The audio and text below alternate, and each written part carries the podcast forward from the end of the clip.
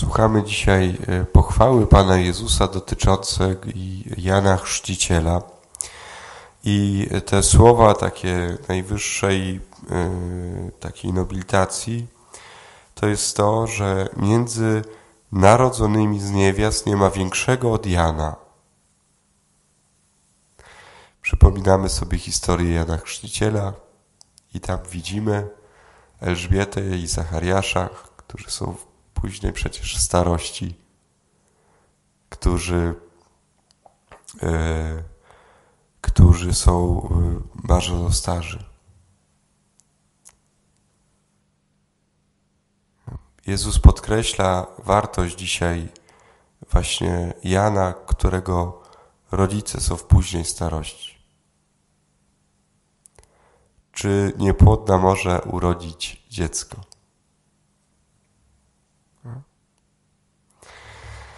Jesteśmy w tygodniu, kiedy mówimy o e, kobiecości i macierzyństwie i, i dziś to słowo nam przychodzi w takiej lekturze codziennej a, a adwentowej.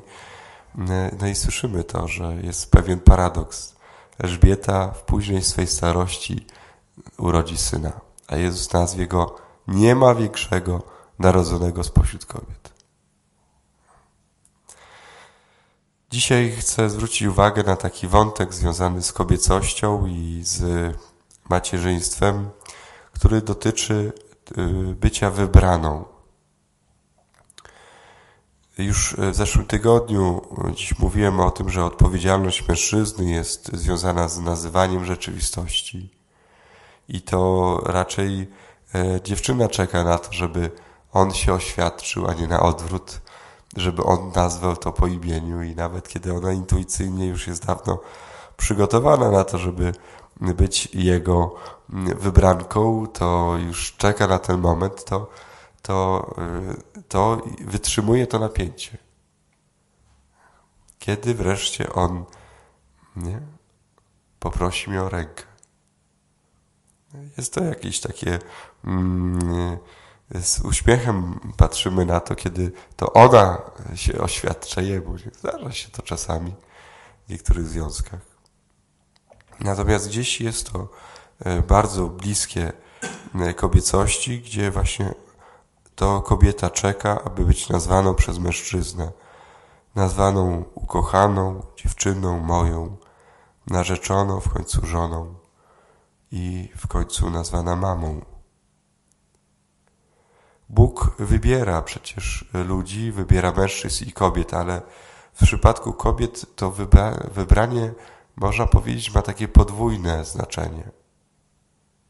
Bo tak jak Bóg wybiera i mężczyzn, i kobiety wybiera do posługi, do działania, do życia, to u kobiet jest jeszcze te drugie wybranie.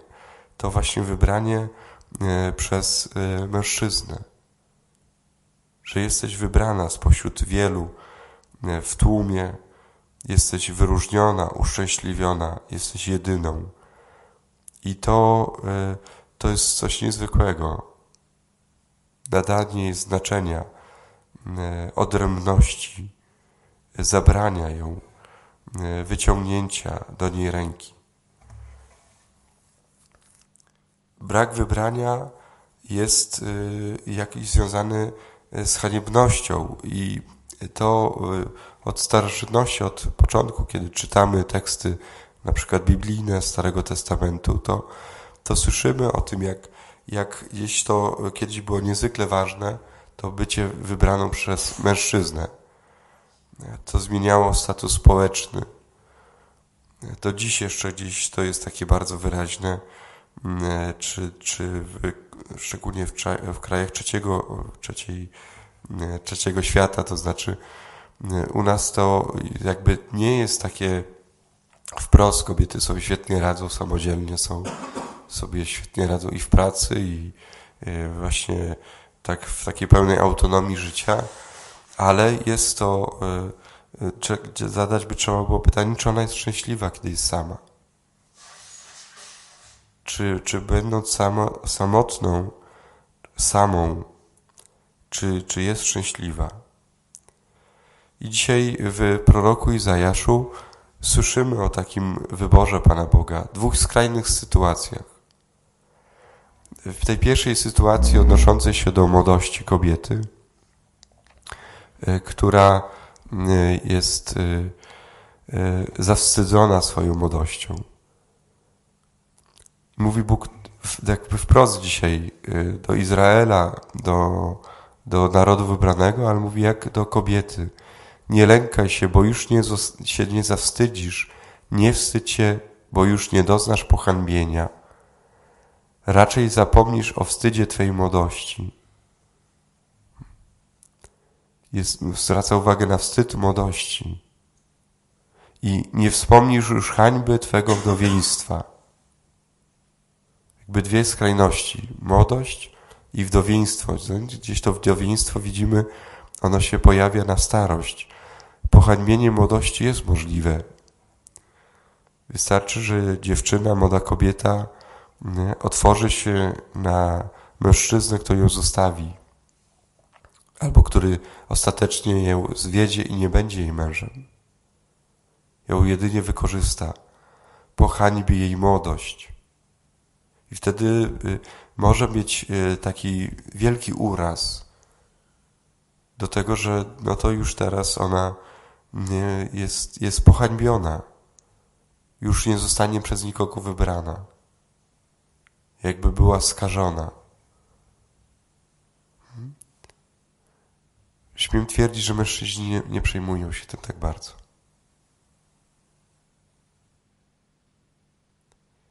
I z drugiej strony ta skrajność dotyczy wdowieństwa, tej, która jest, nie wspomnisz już hańby Twego wdowieństwa, Wdowieństwo wskazywało wdowę na, na, na, na, na taki moment e, wielkiej biedy. Była zdana tylko na innych. Czy ktoś jej pomoże, czy nie pomoże, to w tekstach biblijnych często mamy słowo o wdowie, o wdowach. Jezus uzdrawia syna wdowy. Mówi o tym, jak wdowa przychodzi do sędziego, prosząc go o pomoc, on nad nią się lituje. To są, to są te sceny. Mamy też tą piękną historię Samarytanki, kiedy Jezus do niej przychodzi. Miała pięciu mężów, ta, z którym teraz jest, nie jest jej mężem. Zobaczcie, że to powtarza się. Czy temat y, bezpłodności, niepłodności kobiety. Dziś jeszcze jest tak w Afryce na przykład, kiedy y, jakieś, jakieś szczepionki są tam przekazywane do Afryki kobietom, żeby na jakieś choroby różnego rodzaju. I skutkiem ubocznym jest to, że ona może, nie może mieć dzieci. No, żeby nie było za dużo ludzi w Afryce, żeby można było ich jakoś pomóc im wykarmić, żeby nie było biedy i głodu.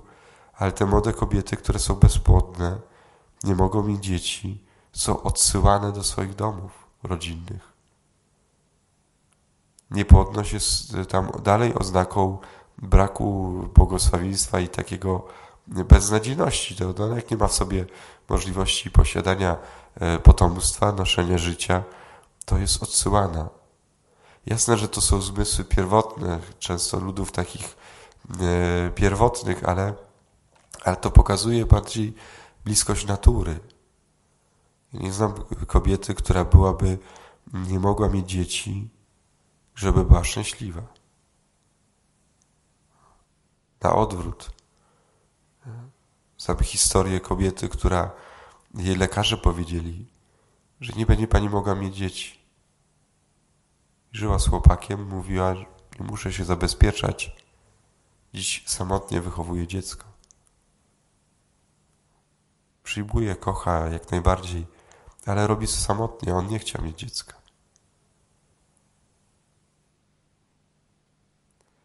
Więc jest to cały czas, zobaczcie, temat y, jakby żywy, mimo że może by ktoś już y, kolokwialnie mówiąc machnie ręką i powie, przecież to już żadna z nas nie musi być wybrana. Ale to jest nieprawda. Więc dzisiaj całe słowo Izajasz pociesza dzisiaj. Śpiewaj z radości niepłodna, która nie rodziłaś. Wybuchnij weselem, wykrzykuj, która nie doznałaś bólów porodu.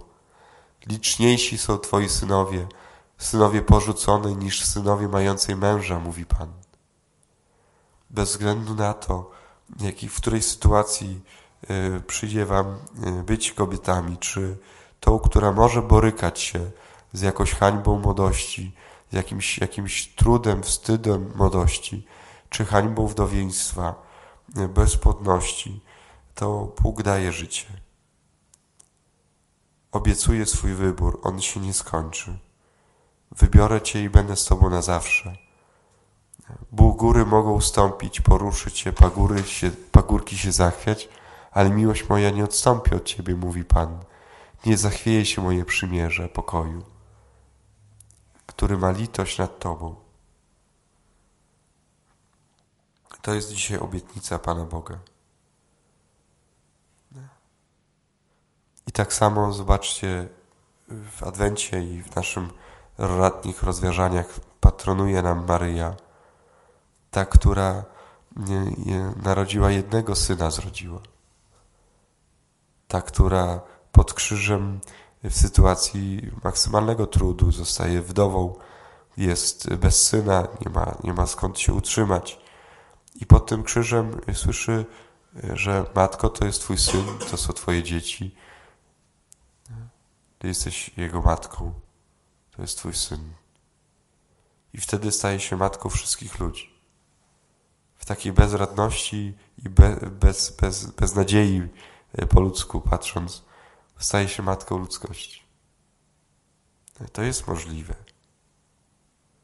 Macierzyństwo, które e, jest e, poszerzone, serce, które jest poszerzone, dlatego że jest z wyboru Pana Boga.